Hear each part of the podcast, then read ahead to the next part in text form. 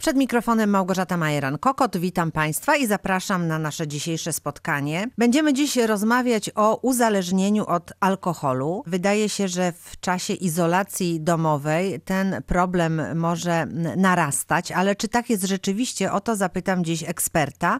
Razem z nami jest pan Antoni Pawłowski, który jest terapeutą uzależnień. Dzień dobry, witam pana. Witam serdecznie. Czy tak jest rzeczywiście, iż czas pandemii izolacji domowej e, sprzyja uzależnieniu od alkoholu? No, zawsze tak było, że kryzys popychał ludzi do szukania ulgi, chociaż na moment, więc wszystkie kryzysy, wojny i tak dalej, no, sprawiały, że ludzie szukali jakiejś ulgi czy ucieczki, zapomnienia. Substancja daje to zapomnienie najszybciej, ale oczywiście potem trzeba za to zapłacić. A kiedy jest e, ten sygnał? Kiedy powinna się zapalić ta czerwona lampka? No, że to już nie jest tylko takie e, okazjonalne e, piwo czy inny alkohol, ale coś dzieje się już niedobrego. Im szybciej, tym lepiej. Każdy odruch należy potraktować poważnie. Taki najprostszy test przesiewowy Cage z czterech pytań złożony zaczyna się od tego, czy kiedykolwiek rozważałeś zmniejszenie lub zaprzestanie używania alkoholu coś powinienem z tym zrobić, tak? To znaczy, że sprawa wygląda poważniej niż wygląda, bo inaczej bym sobie tego pytania nie zadał, dlatego że no, ta, o, taka autoobrona, która jest, sprawia, że no, tworzymy złudzenia na swój temat i pomniejszamy zagadnienie. A, a problem się nasilił, bo wielu naszych pacjentów, moich dawnych pacjentów, no ja akurat teraz pracuję oddziale detoksykacyjnym, czyli na takiej pierwszej linii, gdzie pomagamy pacjentom zakończyć picie, dojść do siebie fizycznie i zacząć coś robić ze sposobem myślenia, bo to jest jakby trudniejsze. Ale przecież przez lata pracowałem, od 28 lat pracuję w lecznictwie uzależnień w oddziałach, w, ośrodku e, odwykowym, takim niezależnym. E, więc wielu pacjentów właśnie z powodu braku dostępu, na przykład do spotkań AA, zagubiło się i wróciło do nałogu, nawet po wielu latach niepicia, po wielu latach stabilnej abstynencji. To znaczy, że problem niewątpliwie jest. Jak sobie z nim poradzić? Jakie znaczenie ma właśnie przynależność do takiej wspólnoty anonimowych alkoholików, o której dzisiaj w programie też chcemy powiedzieć? Czy to jest ważne? Zawsze poczucie wspólnoty było ważne. No jest, człowiek jest istotą stadną, zon politykon, jak powiedział Arystoteles czyli no, zwierzę stadne dosłownie, a na dziś byśmy powiedzieli istota stadna. I poczucie przynależności jest niezwykle ważne. To, to widać nawet przy innych chorobach. Jakiś czas temu oglądałem taki program poświęcony progerii. To bardzo rzadka choroba, 10 tysięcy razy rzadsza niż alkoholizm. I ludzie, te rodziny z osobami, tych dziećmi, bo to dotyczy dzieci, e, dzięki temu, że mogły się spotkać poprzez to, że ktoś zaczął prowadzić badania nad chorobą, doznały ogromnej ulgi polepszenia sytuacji swojej i emocjonalnej, i psychicznej, poprzez to, że mogli być razem, że mogli się powymieniać, zobaczyć podobieństwa, wymienić się sposobami, jak sobie radzą, bo cofnąć się nie da, to jest choroba genetyczna. Z alkoholizmem jest podobnie. Nie ma możliwości, mimo że technika idzie tak daleko naprzód, że niedługo ktoś tam będzie się, jakiś człowiek się będzie szlajał po Marsie, to nie potrafimy sprawić tak, żeby człowiek, który nie umie pić, tego się nauczył, żeby z powrotem odzyskał tę umiejętność. Ona jest już nieodwracalna. Powiedział Pan, że e, często stwarzamy sobie e, obraz samego siebie, gdzie trochę się e, usprawiedliwiamy. A co może zrobić osoba druga, nasz współmałżonek czy ktoś z rodziny? Słyszymy o takich sytuacjach, kiedy właśnie ten drugi domownik mówi, coś się dzieje niedobrego. Mój mąż czy moja żona coraz częściej zaczyna właśnie sięgać po jakiś alkohol, może nie bardzo mocny, ale staje się to coraz bardziej regularne. Czy ta druga osoba może zacząć działanie? Przecież y, również te instytucje świadczące pomoc świadczą taką samą pomoc psychologiczną osobom współuzależnionym, czyli tym, na których jakby przenosi się część tych skutków choroby, ale też no, istnieje symetrycz, bliźniacza do anonimowych alkoholików takie bractwo czy wspólnota, jak oni to używają która się nazywa Al-Anon. Oni wykorzystują te same 12 kroków i też jest to oparte właśnie na poczuciu więzi i przynależności. Terapia służy do tego właśnie, żeby zrozumienie i zaakceptowanie tego jako choroby, czyli czegoś, czego sam nie wybierałem, pozwala być wyrozumiałym dla siebie, ale też rozumieć innych, że oni nie potrafią tego zrozumieć. Fizycznie nie cofniemy tej odmienności, tak? Ten człowiek, no niestety, nie będzie mógł pić tak jak ktoś, kto normalnie używa alkoholu, więc jakoś jest upośledzony, ale przez to, że on to zaakceptuje, y, no to funkcjonuje zdrowo i sprawnie, tak? no to próbujemy pomóc właśnie zdjąć to odium chorego wstydu na zamienienie na zdrowy wstyd, bo zdrowy wstyd y, uczy nas rozumienia, że tak jest, taka jest sytuacja, tak? No mamy tę pandemię, ona jest i jej się już nie cofnie, tak? Możemy się jakoś do tego dostosować i próbujemy to robić, tylko że no, y, wcześniej tego nie było, więc to samo przeżywają ludzie w pojedynczych, pojedynczej mikroskali, każdy pojedynczy uzależniony, tak? Każdy, przecież no, alkohol jest znany od 5000 lat przed Chrystusem w Chinach już potrafiono wytwarzać alkohol, a w kodeksie Hammurabiego są już y, dwa punkty, gdzie są kary za, no, za nadużywanie alkoholu, więc problem jest stary jak ludzkość, mówiąc trywialnie. I w dalszym ciągu nie potrafimy sobie z tym problemem radzić. Możemy go usunąć, zlikwidować, tak jak zlikwidowaliśmy czarną śmierć na przykład, tak, dżumę. No. Teraz byśmy chcieli poradzić sobie też z koronawirusem, a też e, na razie nam się to nie udaje. E, problemów jest wiele. E, czy jest łatwo skontaktować się właśnie z takim ośrodkiem czy wspólnotą anonimowych alkoholików? Jak sobie w takiej sytuacji poradzić? Znaczy, no, ci anonimowi alkoholicy właśnie nauczyli się tej zaradności i mimo tego, że e, często fizycznie nie mogą się spotykać, bo instytucja na przykład, od której oni, bo oni są, funkcjonują na zasadzie pełnej samodzielności finansowej, jak gdyby.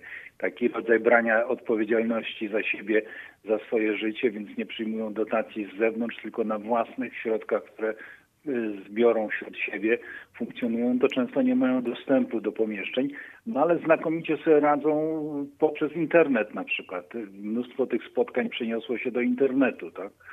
W oparciu o jakieś platformy typu Zoom, Skype i tak dalej, więc y, no to, to co, co jest wbudowane co my też próbujemy przekazać naszym pacjentom w tych modelach, które wykorzystują dorobek 12 kroków, bo ten model Minnesota, który powstał w Stanach w latach 40. właśnie, jako główny rdzeń ma wykorzystanie tych 12 kroków, które 20 lat wcześniej stworzyli anonimowi alkoholicy, ten istni założyciel, ten Bill Wilson, tak, i, i lekarz y, Bob Smith, ale to już ktoś z musiałby pani opowiedzieć dokładnie, jak to tam przebiegało. Natomiast my często kierujemy tam naszych pacjentów, no bo 6 tygodni nawet no, standardowa, standardowy, standardowa terapia, detoks trwa 10 dni, standardowa terapia 6 tygodni, można to, nie wiem, wydłużyć maksymalnie o 2 tygodnie, no ale nawet jeśli są takie ośrodki dłuższe, z tam kilkumiesięcznym pobytem czy rocznym, to i tak trzeba z tego chronionego miejsca, tak,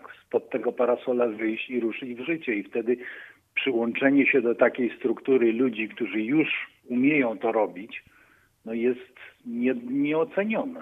I w dzisiejszym programie będziemy jeszcze rozmawiać z osobami, którym udało się pokonać to uzależnienie. A ja już bardzo dziękuję panu Antoniemu Pawłowskiemu, który jest terapeutą uzależnień, za udział w naszym programie. Dziękuję uprzejmie. Dziękuję ślicznie, pozdrawiam. Razem z nami jest pan Andrzej, który pokonał uzależnienie od alkoholu. Dzień dobry, witam pana. O, dzień dobry. Od ilu lat jest pan osobą trzeźwą? No ponad 20 lat. Czy może pan w tym momencie powiedzieć, że jest pan wolny od tego nałogu?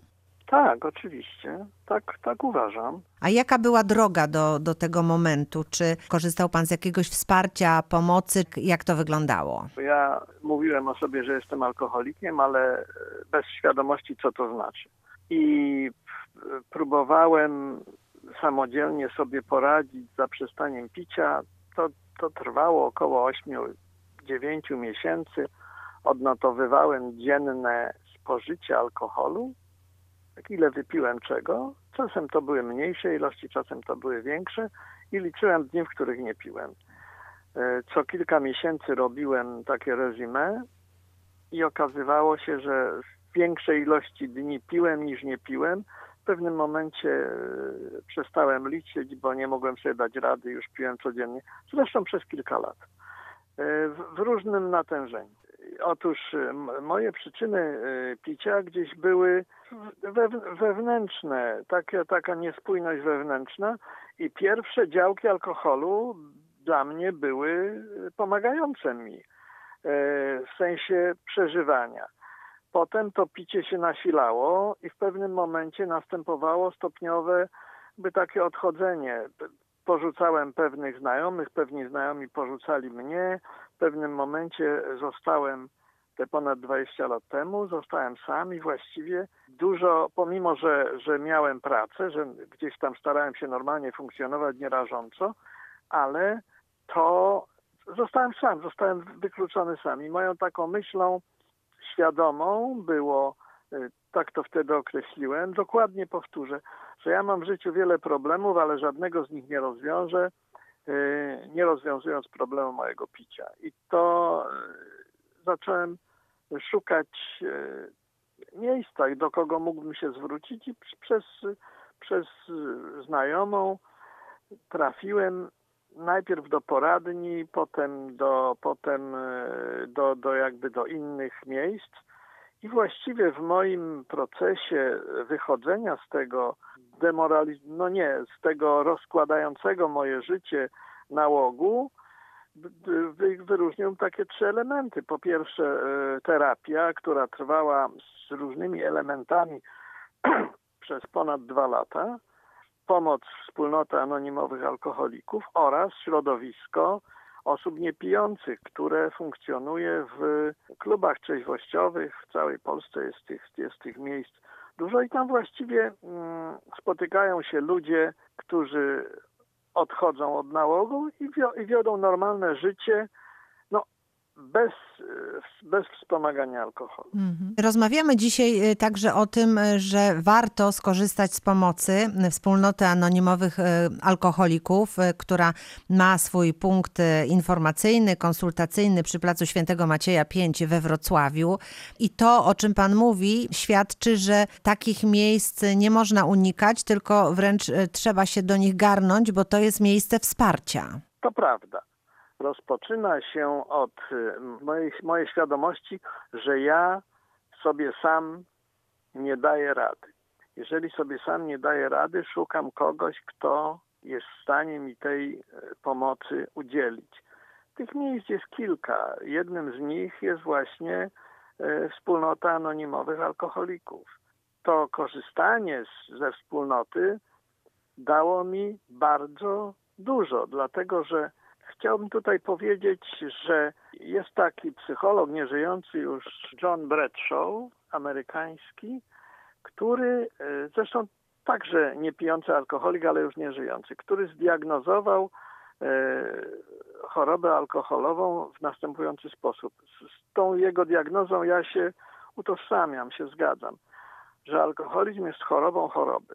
To znaczy że w środku mnie coś gnije, coś się źle dzieje, ja sobie z tym nie radzę, staram się sobie poradzić, staram się sobie pomóc pijąc i popadam w, w uzależnienie, w chorobę uzależnienia. Jeżeli tą chorobę, jeżeli to uzależnienie uda mi się na przykład przy pomocy terapii, przy pomocy wspólnoty, przy pomocy klubów abstynenckich odejść od tego, to to pierwotne gnicie organizmu, ja używam pewnej metafory, niezbyt może zręcznej, mhm. to dalej pozostaje i to trzeba, żeby normalnie żyć, to trzeba rozwiązać i tak jak pani tutaj przytoczyła e, ten punkt e, anonimowych alkoholików, to tam są pewne instrumenty, wspólnota ma pewne instrumenty, które pomagają to wewnętrzne, te wewnętrzne niespójności poprawić. Razem z nami dziś e, także pani Iwona, która pokonała uzależnienie. Jak u pani się to zaczęło? W jakim momencie e, ten alkohol stał się taki ważny w pani życiu? U mnie alkohol, alkohol był tak naprawdę od samego początku ważny, ponieważ ja pochodzę z rodziny e, alkoholowej. Moja mama i tata byli osobami uzależnionymi. No, ja bardzo wcześnie zaczęłam pić alkohol I tak naprawdę y, ja nie miałam innych wzorców, jak to, że alkohol był obecny w tym moim życiu. Y, jak zaczęłam pić, od razu mogę powiedzieć, że piłam jak osoba uzależniona, ponieważ piłam, piłam, żeby się upić. Nie piłam dla towarzystwa, nie piłam dla, dla humoru. Ja piłam po to, żeby poczuć ulgę. Poczuć ulgę, mm, pokonać nieśmiałość, pokonać swoją inność, bo ja zawsze czułam, że jestem inna od wszystkich. Inna od moich rówieśników, zawsze nieśmiała, zawsze szara myszka. Natomiast alkohol dał mi coś, co spowodowało, że ja poczułam się silna, poczułam się fajna i mogłam przebywać w towarzystwie, mogłam rozmawiać. Więc on mi dał takie rozwiązanie na tamtą chwilę, y, takie poczucie fajności, poczucie bycia y, we wspólnocie z innymi ludźmi. E, z którymi nie potrafiłam przebywać, jak, jak byłam trzeźwa. Mhm. Wpadłam w nauk, e, konsekwencje miałam bardzo szybko, bo, bo poniosłam to wysokie konsekwencje. Między innymi utraciłam wolność, przebywałam w zakładzie karnym. E, natomiast gdzieś pojawiła się jakaś iskierka, jakaś myśl podczas pobytu w zakładzie karnym, że jednak fajnie by było nie pić. Tylko, że ja nie znałam życia na trzeźwo ja nie umiałam żyć na trzeźwo. Ja umiałam tylko żyć, żeby pić.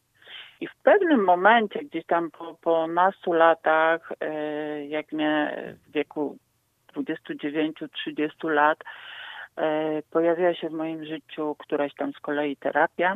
I stało się coś, co do dziś nie rozumiem, ja po prostu przestałam pić. Poszłam na terapię, skończyłam terapię uzależnień. E, w międzyczasie też zdiagnozowano mnie chorobę afektywną dwubiegunową, zaburzenia borderline. Ukończyłam terapię osobowości ukierunkowane. E, będą cały czas, e, znaczy i kiedyś poszłam do wspólnoty anonimowych alkoholików, poszłam na meeting, ponieważ dostałam takie zalecenie od terapeutki w terapii uzależnień i, i spodobało mi się to, co ci ludzie tam mówili, bo oni mówili o mnie. No i później oni mi też dali rozwiązanie, bo, bo ta wspólnota ma coś takiego jak taki program, e, który, który daje mi rozwiązanie na to, żebym ja nie piła. Po prostu. Radzenie sobie takich ciężkich chwilach, między innymi jak pandemia, bo Osobiście znam bardzo dużo osób, które, które zapiły podczas pandemii, bo sobie nie poradziły. E, nie poradziły sobie z utratą pracy, nie poradziły sobie, nie wiem, bo związek się rozpadł. Różne były sytuacje. Natomiast ja gdzieś korzystam cały czas z takiej pomocy, formy pomocy, rozmowy z innym alkoholikiem, gdzie to jest niesamowite, bo, bo się po prostu nie chce pić. Mam rodzinę, mam dzieci, mam męża, którą, rodzinę, którą założyłam już poza przestaniu picia. Jest naprawdę dobrze w moim życiu. Mimo wielu problemów, które spotykam na swojej drodze, moje życie jest fajne. E, chce mi się żyć, mimo też diagnozy ostatnio, e, w październiku zeszłego roku dostałam diagnozę białaczki. Ale to jest istotne. Żyję, cieszę się życiem na dziś, na tu i teraz. E, I tego się właśnie nauczyłam od, od innych ludzi. Mm, wraz z innymi ludźmi też pomagamy potencjalnym alkoholikom, osobom uzależnionym, osobom z problemami trafić na terapię, na pierwszy meeting, pokazać drogę. Bo to jest bardzo ważne właśnie w okresie pandemii. Było mnóstwo takich ludzi i Wiem, że między innymi ja i moi koledzy, z którymi tam współpracuję, czy koleżanki, żeby jesteśmy właśnie od tego, żeby tę drogę wskazać, pokazać, co, co ja mogę, jedynie ja mogę się podzielić tym, co mi pomogło i powiedzieć tylko proszę spróbować, może akurat też zadziała, prawda? Na szczęście udało się to pokonać i niech to będzie najlepsza wskazówka dla tych wszystkich, którzy być może mierzą się z, z takim problemem. Pani Iwono, bardzo Pani dziękuję za, za te słowa i za swoje tutaj świadectwo na naszej antenie. Dziękuję uprzejmie. Dziękuję bardzo. Ja również Państwu dziś dziękuję. Małgorzata Majeran-Kokot, do usłyszenia.